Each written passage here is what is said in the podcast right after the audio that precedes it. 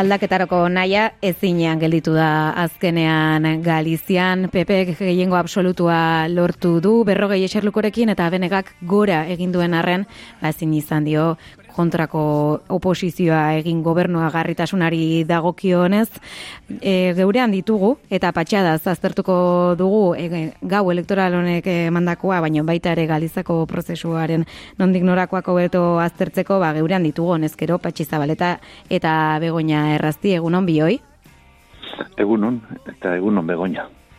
Egunon zuri ere, karazi. Kaixo, patxi, begoña ere hor zaudezta.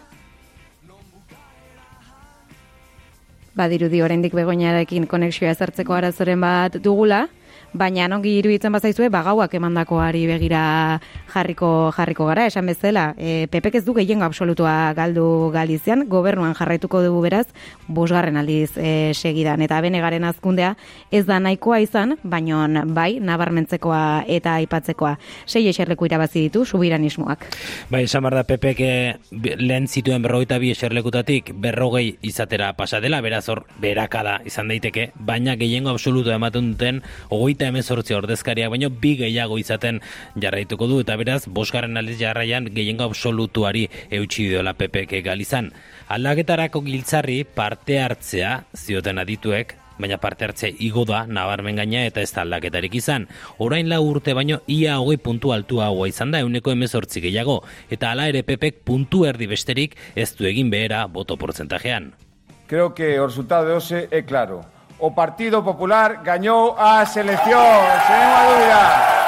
Alfonso Rueda da, egungo presidentea eta karguan jarraituko duen pepeko buruzagia, aldaketaren bana barmentzekotan hori bai, oposizioaren erreferentzia nagusita ia bakar benega bihurtu dela orain lau urteko emeretzi eserlekutatik, ogoita bost izatera igaro baita boto portzentajean sortzi puntu gora eginda. Gazigozoa gaua, ona gozotik benegaren igoera, baina gazitik ez delako aldaketarako nahiko izango ana ponton. Resultado extraordinario y que hoxe o benegas sexa o referente indiscutible como alternativa ao Partido Popular. Pero tamén quero decir que este resultado a nós parecenos insuficiente. Digo porque o noso obxectivo era claramente abrir un tempo novo neste país, e darlle aos galegos e as galegas un goberno liderado polo BNG. Eta horpegirik iunenak, eh, batetik eh, alderdi sozialistan, PSD-gak boste xerleku aldu dituelako, eta are iunagoak ziurraski ezker konfederalaren eh, baitan, izan ere Podemos eta Sumar, bien artean, boten euneko bira ere ez iritsi. Bagia da inkestek aldaketarako aukera plazaratu zutela, baina azkenean ez dela ala gertatu e, begoina orain bai gurean e, zaitugula Galizian zarrak berri ala? Bai, eguno, niko oso ondo entzuten duen, eh? bai, akaso bai. mikrofonoa itxita izango bai, bai. ala. Ez, ez, ez, ez, ez, dana ondo zegoen. Bueno, bueno orain, orain entzuten zaitugu primera, eguno, bai. Konta bai. eguzu, zein presiorekin gelditu zara gaueko emaitzen ostean? E, ba, espero, nuna. Niretzeko ez da sorpresa izan eh, Partido Popular gehiengo absolutua lortzea. Bat ere. Hori, hori eh, aldez aurretik. Gero oso e, bene gana e, ba oso interesgarria iruditu zait. E, azken baten hor eratzen ari da beste gehiengo bat, eta Partido Sozialista, claro, beruntza e, joan denean, oso interesantia ere, baina zenbatzen baditugu eserlekuak orain dela laurtetakoak eta gaurkoek, naiz eta botua bene gara joan, eta berrio esaten dut oso interesgarria iruditzen zaite abertxaletasunareko Galizin, e, baina e, nahiko berdintxoa dira zenbakiak. Hor e, nik uste dut e, ba, planteatzen du panorama bat Galizian mm, oso, oso polarizatua eta azken baten e, PP mm, oso indartsua, oso gizarte mm, eskumakoa, da agian saia, ez, e, hori apurtzea. Patxi, zure, zure kasuan, hausnarketarik? Bai, bai, nik uste dut e, Galiziako hauteskundek ematen digutela pensatzeko, e, pensagai asko ematen dizkigutela, eta gainera e, alde askotatik begiratu eta aztertu beharreko emaitzak izan du direla. Eman dira, datu asko, eta nik esandakoari e, erantziko nioke, e, galdetu beharra dagoela baita ere, ia zergatik e, e, alderdi popularrak duen hainbesteko iraunkortasuna e, Galiziako gizartean bat. Galiziako gizartea den bezelakoa delako, zalantzarikabe e, bere izaerak horretan, ba, bere baldintzak jartzen ditu, jartzen ditu mundu e, rurala deitzen dena alegia lendabiziko sektorearekin eta turismoarekin eta lotuta dagoen e, mundua oso zabala delako. Ez bakarrik herri e, txikietan baizik baita ere e, hirietan e, sartuta eta kontatu behar delako mundu hori. Eta alderdiei dagokienez berriz e, naiz eta e, partaidetza asko igo den e, e, alderdi popularra soilik bi parlamentari den ordezkaritzan eta e, ba, ordezkaritzari dagokionez puntu erdi batean edo jetxi da zergatik hori. Oso galegoa delako. Orentxe bertan entzun dugu e, ba, rueda e, galegoz mintzatzen. Eta nik goan dut ba, esate baterako e, bitarte horretan hemengo pepekoek Euskal Herriko PPkoek zertan ari dira beren propaganda egiten. Euskararen kontra jokatu nahian, eta Euskararen kontra jokatu nahian, e, ari diren einean jokatzen dute hemen, ba, Galizian, e, e, boxek jokatu duen papera. Esate baterako, eran egun bertan entzuten ion, PPko ba, presidente jaunari, de Andres jaunari, esanez, ba, medikuek Euskaraz jakin beharrik ez daukatela, eta ez dakizer da badakizer. Bueno, ba, ez dut, ez naiz sartuko e, osasun mentalari buruz mintzatzen de Andresekin, baina e, e, e, aipatuko dut berriro ere, orain txentzun dugula, hango e, presidente atera dena gallegoz mintzatzen, eta jarrera guztiz ezberdina dutela. Gallegoaren galegismoaren, eta galego izatearen e, e, paper hori jokatzeko e, fraga iribarneren gandik asita, frankiz, frankismoan ministroa eta eta gainera frankismoko alde baten burua izan dako fraga iribarneren gandik asita, datorkien ezaugarria da. Eta horrek egiten du ezberdina izatea e, bilakaera, hango eta beste toki batzuetako alderdi popularraren e, historian.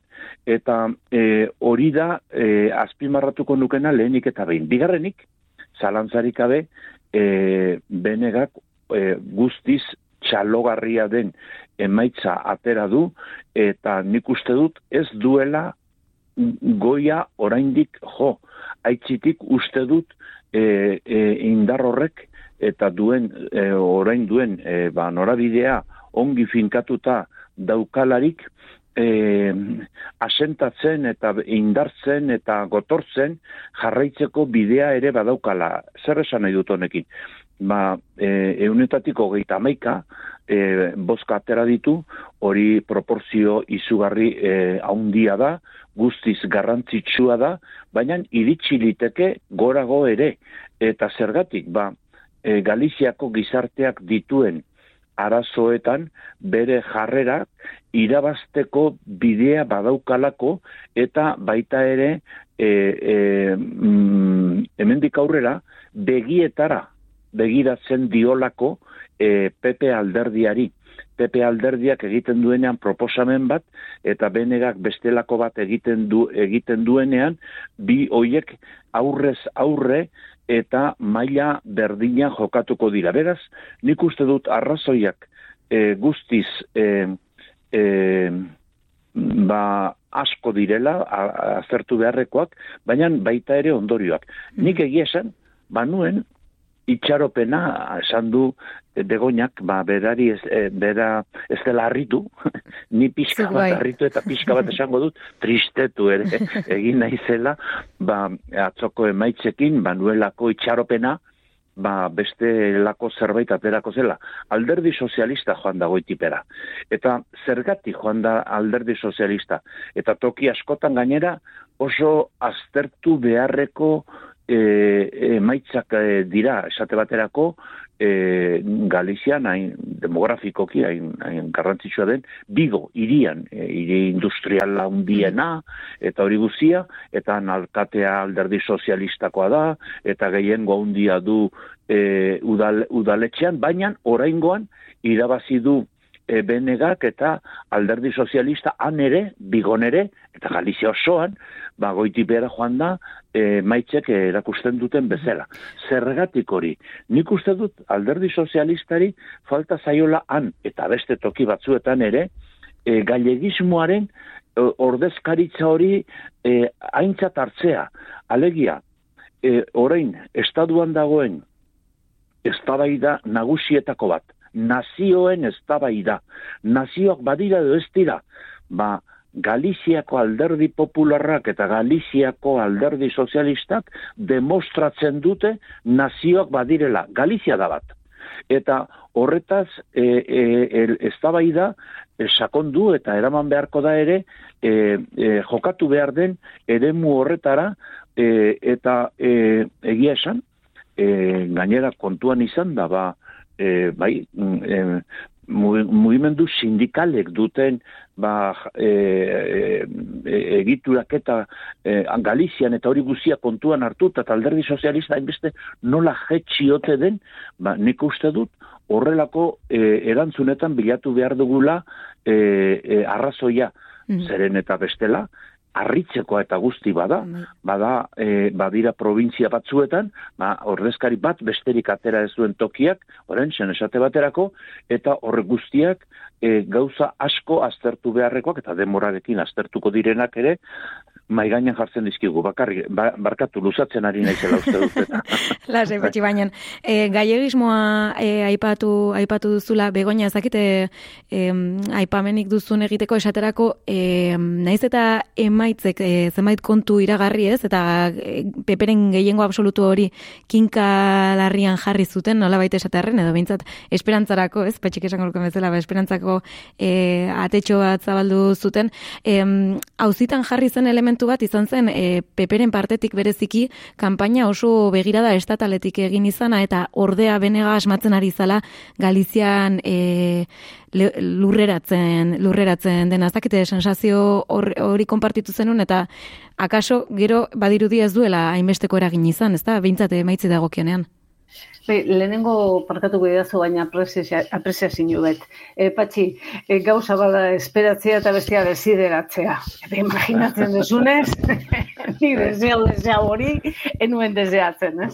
Bueno, e, ba, oso kanpaina estatala ez da, baina hori da naia. Normalean hori hori egiten da, beti hori saiatzen da. Hemen ere ikusten dugu, ba, nola e, mm, orokorrean zaiatzen dira ba, jokua ametik kanpo, amengo arasok, amengo gatazka, amengo zea, e, ez tratatzeko, ez da, eta beti egiten da, a, ah, bueno, eta gero indarrak entzeko hemengo indarrei. Nik uste dut hori e, mm, Partido Popularean o Partido Socialistan hau da e, nazionalismo espainolean hori da jokabide arrunta, hauteskunde guztietan, ez? Eta hemen, azken baten, e, bueno, ikusi dugu, benega joan dela, ez da? E, baina e, Pepe e, representatzen duen, eta egia da, gaiegismo hori ikusten da, lan asko normalizatuagoa dago, ba, gaiego zeitea, e, eta bat nator patxirekin esaten nuen zuenaekin, ez? Azken baten Pepe gemen gerrak montatzea ditu e, e, inguruan Euskararen kontra ez duzen, berako sondo eh, esan duen bezala, ez da.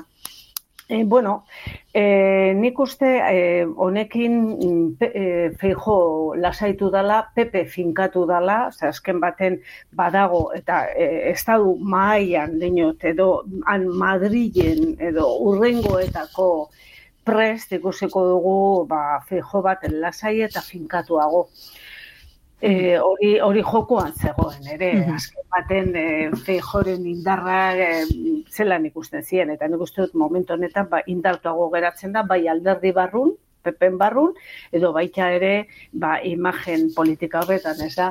Ze, mm, bueno, ni petzaten du Galiziantzako oso importante izan diela e, emaitza hauek, azken baten bo, berri dukusen hori, baina be, benegan ikuspuntutik esaten dute, oso inkestak, E, hau da, adibidez, Televisión Espainola entzako gadek egin zuen inkesta ba, bete-betean eman dute, hori ere normalean esaten dugu ba, bastutela egiten da, ikusi dugu hemen e, ba, lortu dala, Osa, azken baten irten da, ez?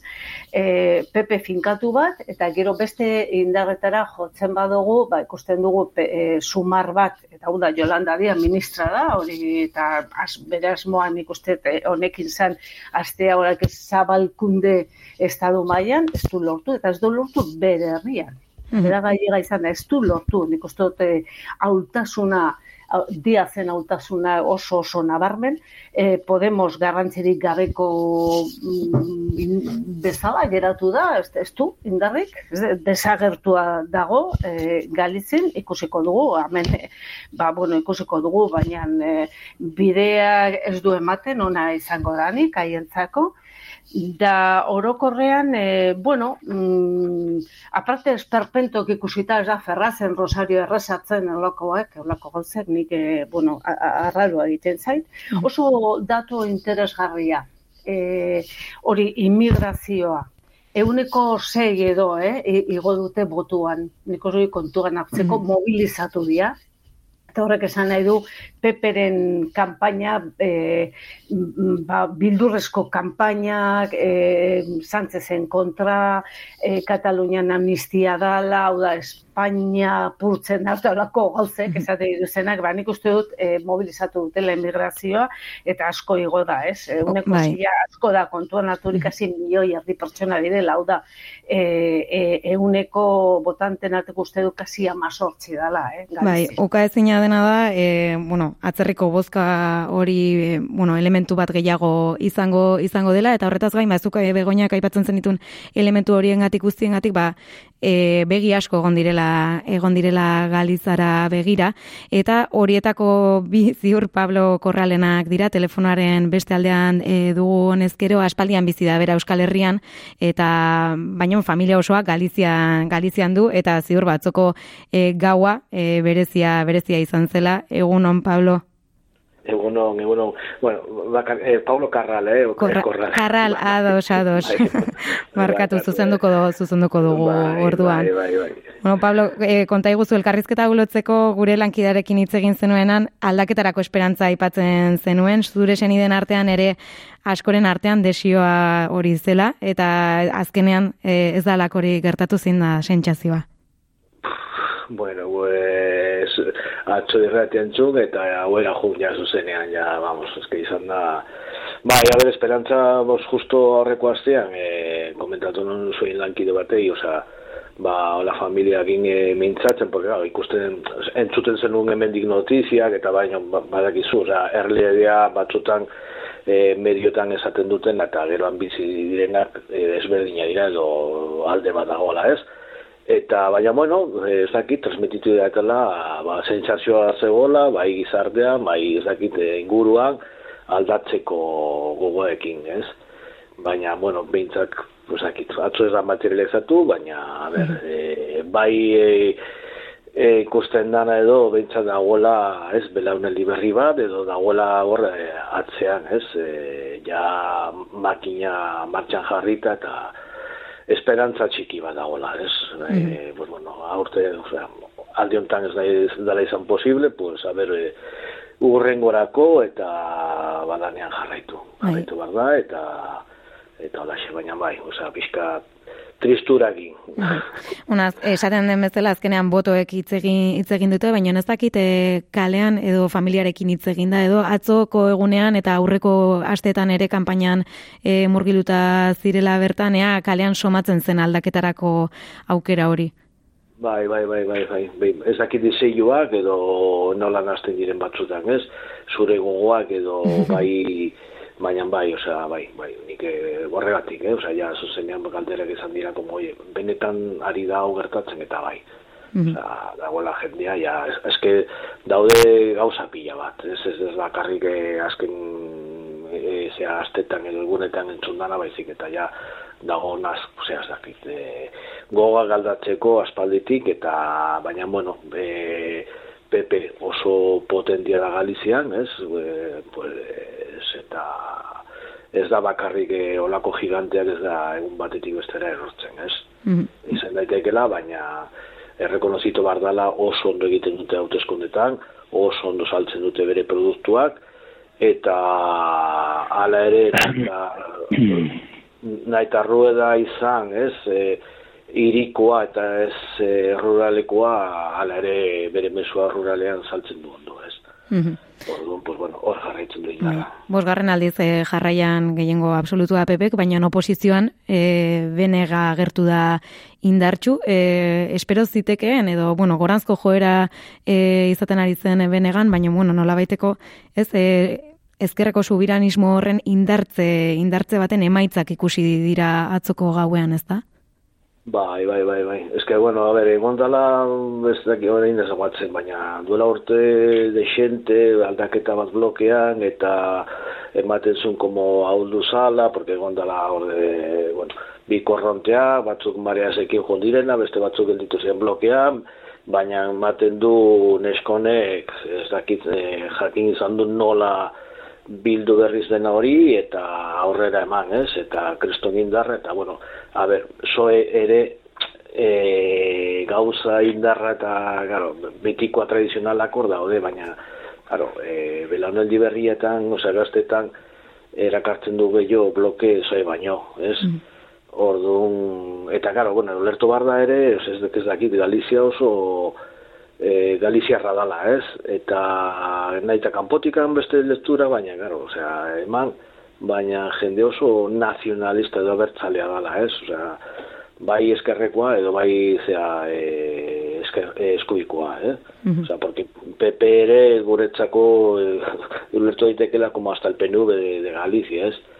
Osea, jende boskatzen duen ez du PP nazionala, bueno, esaten du modu espainoleko bota boskatzen, ez? Bere irudiak da galizikoa. Mm ez, ez da nazio, osea, estatuna e, espainolekoa. Mm Ez, osea, klabe hortan boskatzen du PP-koi. Bai, aurrekoan, e, orain e, analisi mailan patxi eta begoinarekin batera gaiegismo horren, ez? E, eskuineko eta ezkerreko gaiegismo horren indarra. Bai, Bai, bai, bai, bai, bai, bai. Gero, osea, kontra sana da, baina gertatzen da. Osea, boskatzen diote pepekoei, osea, espainoleko mesua, osea, Galizian eta erosten diote, ez? Nahi eta oso gaiegistak izan, eta, bueno, ez mi familian dazkatu lakuak, ez? Osea, ire, osea, e, aldeetan bizi direnak eta, hola, hola, pero, bueno, kontra sana bat, bai, baina, e, zut eta, eta niu, osea, e, nazionalistagoa dira, ez? Zakin nola esan baina, bai. bai. Ba, Galiziaren bai. idiosinkrazia, esaten den ba, moduan. Bai, bai, bai, lagun batek esaten zuen la eskizofrenia, ez? Osea, Galiziko eskizofrenia, bai.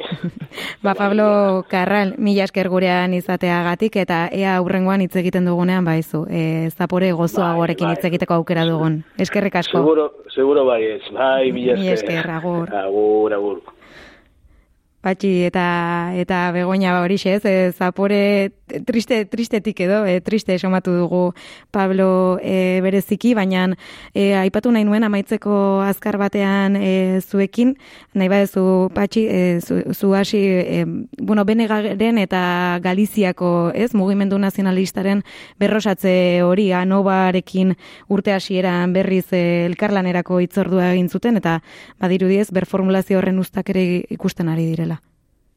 Bai, eta nik uste dut e, berriro lortu dela hor batasun bat bere diferentziak diferentzi zeren eta e, e, mugimendu politikoetan izan behar dira eta gainera izaten dira nahi eta nahi da e, sensibilitate edo irizpide ezberdinak gauza konkreto batzuetan eta hori bere baitan ongi egituratzen dakien mugimenduak aurrera egiteko baldintza asko betetzen ditu. Hori jakin du e, ponton e, Andreak e, egiten urte luzeetan zehar, ez da urte bateko edo ekintza bateko gora bera izan, eta beraz momentu honetan eskaintzen duen e, alternatiba hori oso e, zabala izateaz gainera oso irekia da eta hori da behar duena zalantzarik gabe ez bakarrik Galiziak baita ere beste herrialde askotan gertatzen den bezala, baina e, horrek eman dio mm, bueno, gainsari bat, eta e, nire ustez horregatikan esan daiteke, eta aipatu dut lehenago, e, benegak ez du goia jo, benegak begiratu behar dio e, e, Galiziako e, hauteskundetan ematen diren emaitzak ikusita, ba, eunetatik berrogeia e, e, ukitzeari, eunetatik hogeita marra gain ditu duen honetan, eunetatik berrogeiari begiratu behar dio, eta e, eskuragarria da, eta hori lortzeko modukoa da eta ez behar bada bere alakoan, baina lortzeko modukoa da. Horretarako beste urrats batzuk ere eman beharko ditu adibidez hauteskunde orokorretan. Hauteskunde orokorretan zailagoa, zaio benegari e, maitzak ateratzea, diputatu bat dauka momentu honetan, eta nik uste dut hori ere e, ba, bi ateratzeko zorian egon duzen, baina e, e, horrelako hauteskunde zailago eta nekezago hietan ere e, aurrera pausak eman beharko dituela, baina oso itxaropensua da e, benegak eman duen e, urratsa, naiz eta orain oraingoan eta oraindik eta nik e, uste nuen bestelako zerbait gertatuko zela eta penarekin esaten dut ez den lortu aldaketa mm. Galiziako herriak behar zuena eta Galiziako herriaren eta inona izan zitekena. Arnaz luzeko kontuak izaten direla askotan, ba, batxi begoina, e, alditxo bat egingo dugu, eta segidan, ba, begira galiziatik ikas daitezkenak ere, araba bizkaia eta gipuzkora begira jarriko ditugu, orain azken ordukoa eguneratuko dugu, gero arte bikote. Informazioaren aria, naiz irratian.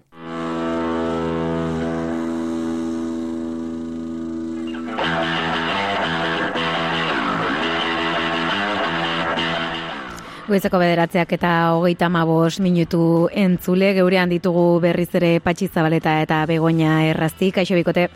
Kaixo. Kaixo, Tira, ba, luze jo dugu leno Galiziak hauteskundei begira eta egiari zorrez, ba, hotxak ere gertuagotik ikusten ikusten ditugu, dontzuten ditugu besan da.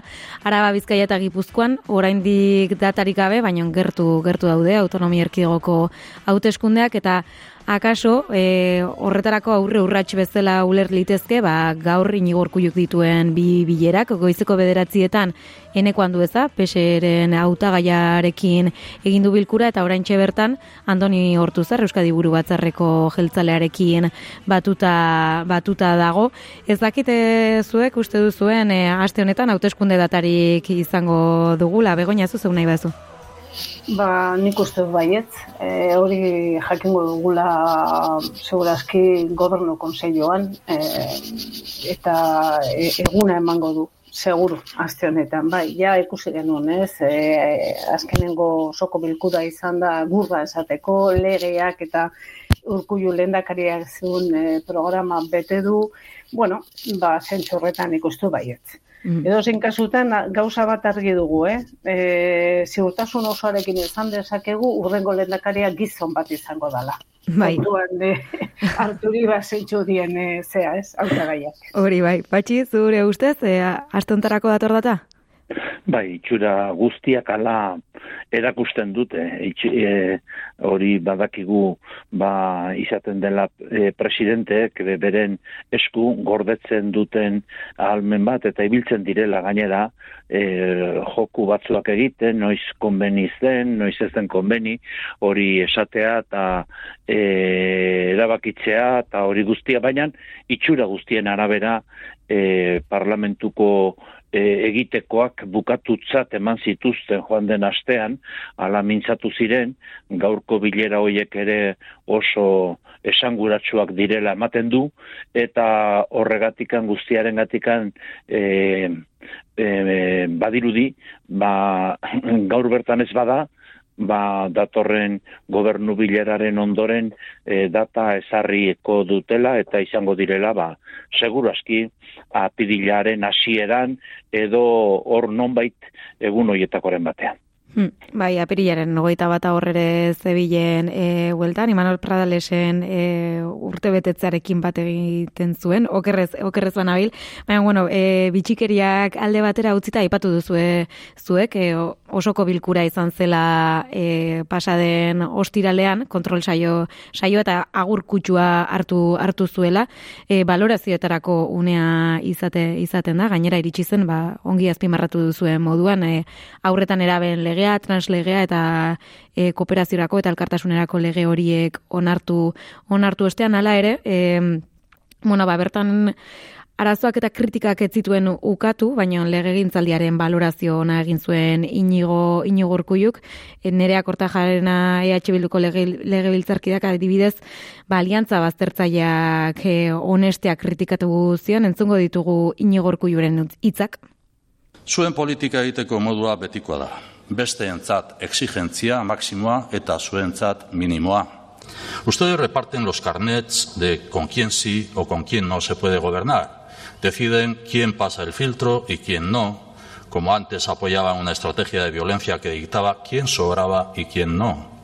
Argi daukat, zuen eredua asamblearioa eta iraultzaileak akotxartean izaten jarraitzen du, non beti berdinek eta berek agintzen duten erabakiak beti ala bulgara onartuz eta kontra dagoena baztertuz.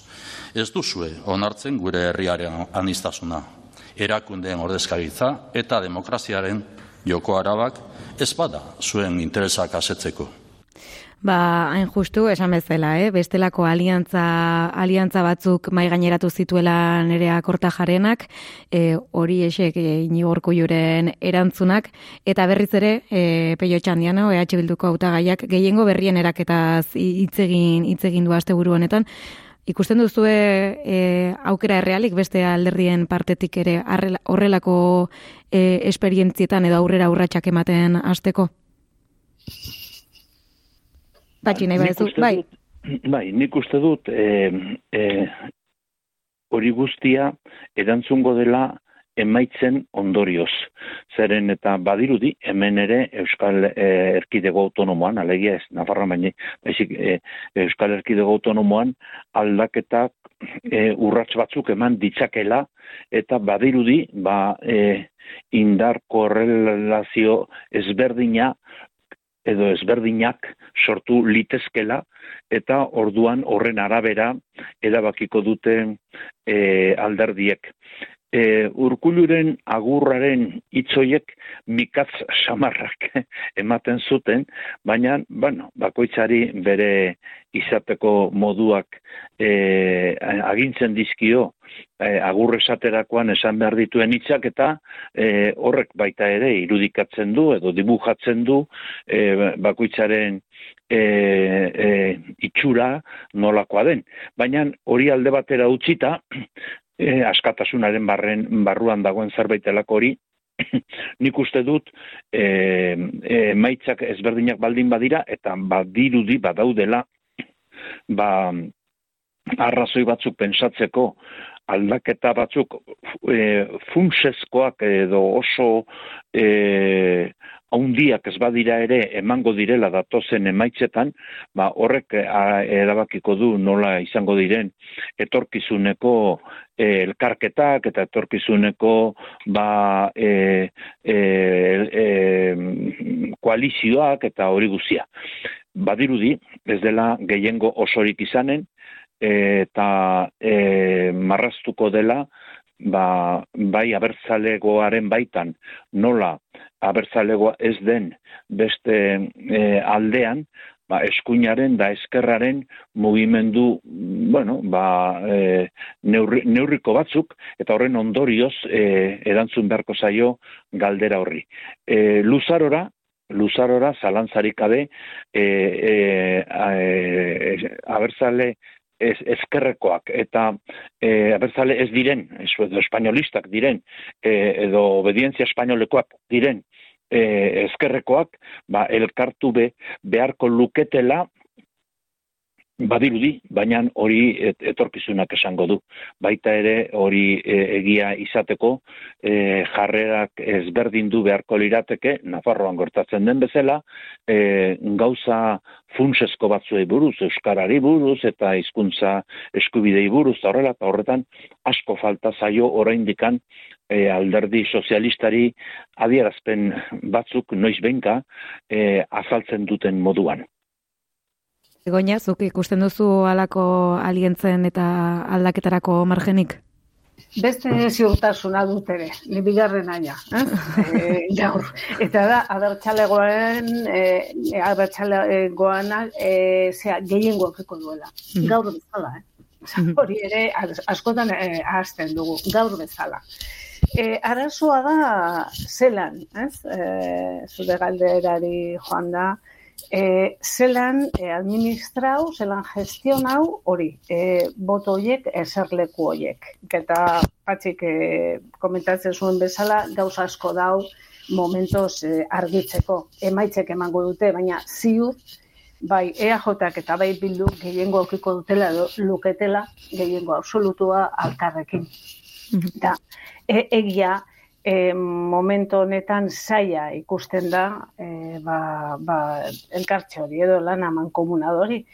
Baina e, nik uste e, egia balitz e, aldaketak, eza, esan digute ziklo aldaketak eta ez dakizten ba diskurso entzun ditugun, ez? hori benetazko egia izango balit, e, ba, gustauko litzaidake lan aman komunadori. Eta ja astea, ez? Ba, bueno, beste bide batzu jorratuz eta herri honi e, merezi eta behar duenari emon, behar duena emon, ez da? Edo kasutan, hor e, Partido Sozialista ezin dugu astu, atzean dago, eta gehiengoa lortuko lukela, bai EAJ-ekin eta bai bildurekin hor beste zalantza bat, ez, mai gainean ipintzeko. Nik uste dut garesti e, salduko duela Partido Sozialistak bere partaidetza bai baten edo bai bestean, ez? Oso zabali dago momentos, ez? Ikusten dugu ba EAJ sistematikoki Madrilen egondala eskumenak lantzen eta bueno, akordiotara, ez beti, baina ma, ikusi dugu, ez da, eta ezin bestekoa dugu hori egia da. Ez bildu beste aldetik ba nahiko berria da lantze hoietan, baina bai e, ikusi da, bueno, ba, Madrien holan jokatzea edo, edo bueno, bidea hor bai aldatu duela, ba, eitea ez da, oza, que, e, momentos e, aurrerantzen begiratu behar dugu, e, baina mm, emaitza baino gehiago, ze argi dau, zentzuk erabasiko duten, ez? eta gehiengoa zelan, e, mm, edo ze gehiengo posible izango zen, ez? E, nik uste dut, e, begiratu behar dela, ba, bai e, alderdi adartzalen jarrera. Ez? E, noski, e, akordioa dia gauzak lortzeko, ba, programak eta baina hor, hor egongo da, eta nik ardura eskatzen diet e, e, abertzale aldardiei. Mm, zuk botatako ari horretatik tiraka, e, begonia ezakit, bueno, eneko handu eza jarrera gogor batekin, ikusten ikusten ari garelako, eta Nafarroan ematen diren dinamikak kontuan hartuta, eta, bueno, zuk zeukara aipatu duzu ere, eh? estatu mailan egiten ari diren e, mugimendu, mugimenduak edo martxan dauden e, dinamika horiek kontuan hartuta, ea Euskal Autonomia Erkidegoan, ulergarria izango den herritar herritarrentzako adibidez e, pesek bestelako jarrera jarrera bat hartzea hau da ez negoziatu nahi izatea edo bestelako adostasun batzuk beintzat e, zabaltzeko aukera ez izatea. Ulergarria izango da izango da hori? Ez dakit esaterako eta aurrez aipatzen egon gera, ez? Galizian PSDGak izan duen jeitsiera eta benegak hartu duela e, bozka, bozka hori ezakit hori hemen nola uste duzute er, herritarrek hartuko luketela? Ez dakit nire galdetzen bai, begonia zuzu nahi da Ulerga, ulergarria zer, eh, Partido Socialista bilduri esetz esatea? Hori, hortik, agian txartu ulertu dizut, eh? Ba, bai, bueno, eh, osea... Akordio ezberdin bat ez? Bai, zuke, zuke esaten zenuen, ez? EAJ e eta PS formula edo EH Bildu eta PS bai, formula gondaitezkela? Formula hori zabali daude. E, ulergarria, ez eta mm, ba bai eta ez, nik uste dut ulergarria ez da naia e, abertxalegoen e, alderdiekin edo alderdien arten edo aurrera begira lan aman komunadoik e, eza. Hori bai ez da ulergarria gure herrian. Mm. Hori nik uste ja bukatu dala denbora hori ez. Mm, gero, mm, ba bueno, nik uste gero estrategiak, taktikak eta olakoak ez, e, ikusiko ditugula. Mm, Partido Socialista berri gomentatze oso garesti salduko du. E, eneko handu oso gogo agertzen da bilduen kontra, baina hori e, egun batetik bestera doa, o minuto batetik bestera desagertzen da. Mm, kaso hondirik ez. E, handu eza e, jaunari esaten duenari zentsu horretan. Mhm. Patxi, zure kasuan? Zer nik uste dut, e, nik uste dut alderdi sozialistak eta e, e, Euskal Herria bilduk beren uler, mm, ulertze guneak bilatu beharko dituztela eta aurkituko dituztela.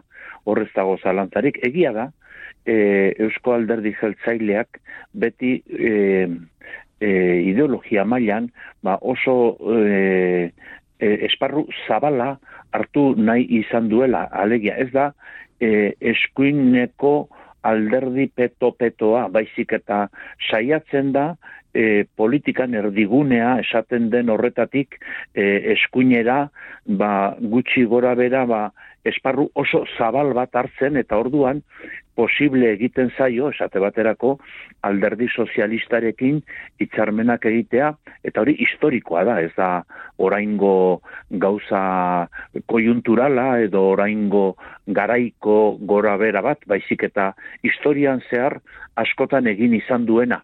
Horregatik, e, ba, gainera horretaz arro azaldu izan du dira, bain eta berriro, e, gai direla e, konpontzeko edo akordioak egiteko ba, e, ingurune politiko guzti, guztiko alderdiekin eta hori ez da gezurra. Baina baita ere egia da e, ba, eskuinaren eta eskerraren arteko leia, erleia ideologikoa dela, beraz irauten duen leia dela. E, beste gauza batzuetan, esate baterako, e, euskal e, ezaugarriei dagokionez, e, po, e, izkuntza politikari dagokionez, eta horrelakoetan, ba, alderdi sozialistak izan du ditu jarrera bikoitzak. Esan dugu lehenago Galiziaz mintzatzean, e, nola alderdi popularra han oso gallegista mhm. eta e, buruz eta horrela ben eta alderdi sozialista aizitik ez hemen bietara jokatzen du batzuetan e, e, euskararen ba esparruan ba, e, jokatzeko itxurak eta maitzak baditu, eta beste batzuetan berriz ez hainbeste. E, hori aldatzen ari dela ematen du batzuetan, batzuetan edo gauza batzuetan behintzat, Nafarroan pixka bat, baina oraindik asko falta zaio alderdi sozialistari, eta batez ere bere kide batzuei. Euskal Erkidego Autonomoan, beti egondu dira, Euskal Zalet bezala jokatzen duten personak alderdi sozialistaren barruan ere, hori gauza jakina eta ezaguna da.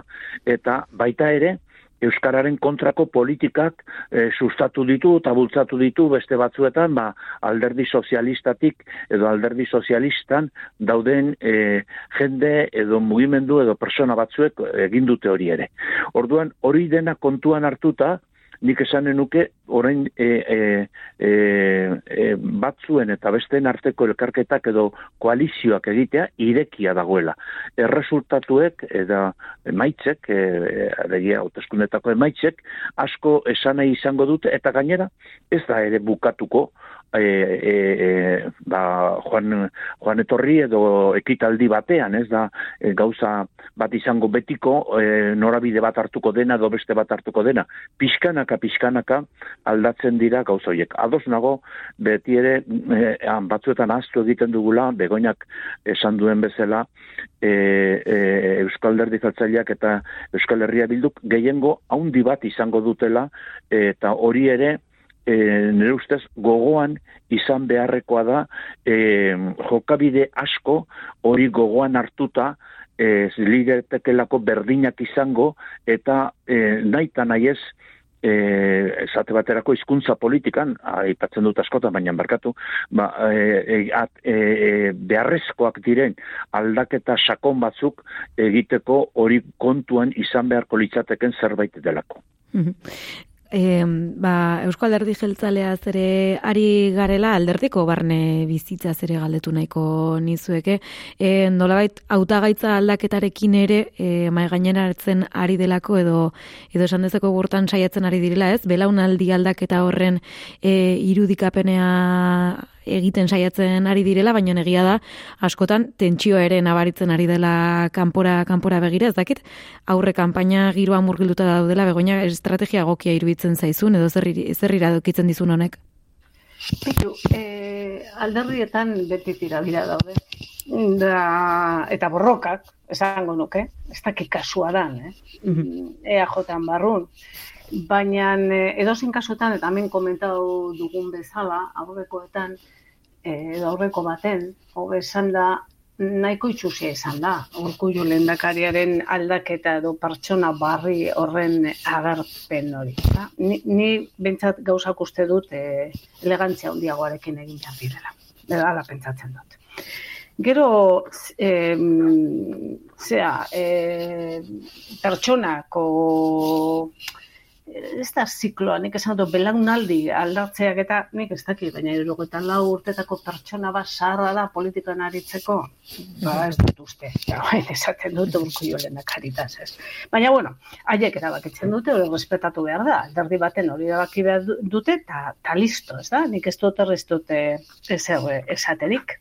Mm -hmm. e, kasutan, ba bai, nik uste dut atentzioa deitu gaitu, eta sensazio txarrakin, eh? orokorrean, estilogatik, e, besterik ez, horrekin ez dut esaten, e, ez kontra esalde eta ez esertan, ez? E, beste hautagaiekin kasu bezala, ez da, azken baten, e, respetatu behar dira barruko mugimenduak, ez? Baina, e, aurrera begira, eta komentatzen ari garenen arira, da patxik, eta, bueno, eta biok, eta zen horre, amen, e, gaur eguneko zea, saio honetan. Nik uste imaginazioa bota behar dela, ez da? Egiten aldaketa honetan, ba, zer ez sartu beste ingrediente bat, imaginazioa politikan, ez? Eta gure hautagaiek, ez? Eta emaitzen araberan, ba, imaginazio horretan, ba, zabaldu, e, ba, beste momento historiko ez, berria, Eta agian ez da koaliziozko gobernu bat eratu behar, agian ez. Agian da e, joku programatiko bat, eta mm. gauzak onak lortzea gure e, herriaren txako, bezat parte honentzako, eta azken baten danon aldekoa izango zan, ez?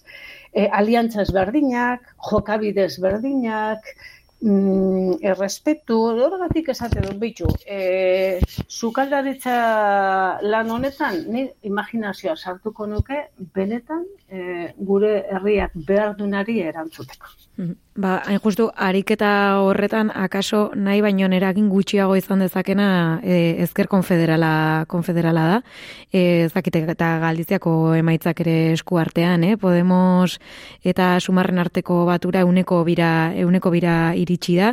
Geurean ere bizerrenda osatuko dira, araba bizkaia eta gipuzkorako eta bueno, bai justu zerrenda bateraturako deia egin dute esaterako Podemos sumar ezkerarintza eta berdeakeko alderrietako berrogeita hamar e, militantek gainera hitzezitz ezin dugu Galiziako bide berbera jarraitu e, adirazi zuten, ez? Edo hitz horiekin e, mai gaineratu zuten kezka baina patxi badirudi e, zerrenda bateratuarena zaia zaia dagoela eta eta eragina ez dela bereziki positiboa izango beraientzat. Ba, nik uste dut, e, ni guzti zadoz nago, azkeneko egun hauetan argitaratu den ba, mugimendu horrekin edo berrogeita mar seinatzaile horiekin. Uste dut, e, berriro, e, elkar ulertzeko alegin e, gogorra edo alegin e, zehatza egin beharko luketela. E, esate baterako, Nafarroan e, orain dela e, hainbeste urte, zortzi urte, eman zen e, aldaketa ura e, e, Podemosi esker e, posible izan duzen, baina e, ba, orduan e, anaritutako e, e, lendabiziko protagonistak Laura Perez eta horrelakoak bota zituzten, gero ba, e, elkarrekin zatitu ziren, eta orain elkarre, elkarrekin ezin konponduz dabiltza Euskal Erkidego autonomoan. Nik uste dut e, e, egin dutenak zentzu bat izan dezan eta egin lezaketenak ere zentzu bat izan dezan e, e, elkarrekin ulertzeko gaitasuna izan beharko luketela. Hori da eskatzen dietena ez bakarrik beraien barruko e, jende e, multzo batek baizik baita ere e, ikuspegi orokor bat izan da eta egin dutenaren gatik e, ba, eskerrona merezi duten neurrian etorkizunari begira esker konfederal indarsu bat izateak et ireki bat izateak baina baita ere barruan demokratikoa den bat izateak e, mesede egiten dio gizarteari gizarte osoari. Esate baterako pensa dezagun autodeterminazioari buruz. E, autodeterminazioa eskubide bezala erabakitzeko eskubidea eskubide bezala e, estaduan defendatzen duen indar bat izatea oso garrantzitsua da e, borroka intelektualean, borroka ideologikoan, eta hori izaten da mm, azkenean beti e, irauten duen zerbait, hori da nire pensaera. Eta barkatuko didazu aipamen bat egitea, atzo bete ziren, bueno, atzo edo, ospatu zuten, Kastejon herrian, Korellako e, ondoan dagoen Kastejon herrian, gamazadaren eunda berrogeita margarren urtea eta izan duzen ekitaldi oso polit bat. Uste dut abertzalegoaren hasieran, e, abertzalego, alderdi abertzaleen hasieran hasieran abertzale tasuna betikoa delako, baina abertzale eh, alderdien hasieran hainbeste garrantzia izan du zuen eta euskaroen mugimendua izan du zen gamazadark merezi duela aipamen bat orduan barkatuko didazu zahar samarrak garen ontzat olako tokia olako toki bat uste edo hitzartzeko ausardia izatea. Noski, noski bai horri ere aipamena egingo diogu patxitza baleta eta begoina errazti e, amarrak jotzea dira e, ikusiko dugu ea datorrenean hauteskunde daterekin e, eta autoeskunde dataz jakitu hitz egiteko aukera dugun, ala oraindik bazain izango garen. Egun ona izan dezazuela. Bai, bardin. Agur, agur, agur, agur, agur, agur, agur, agur, agur,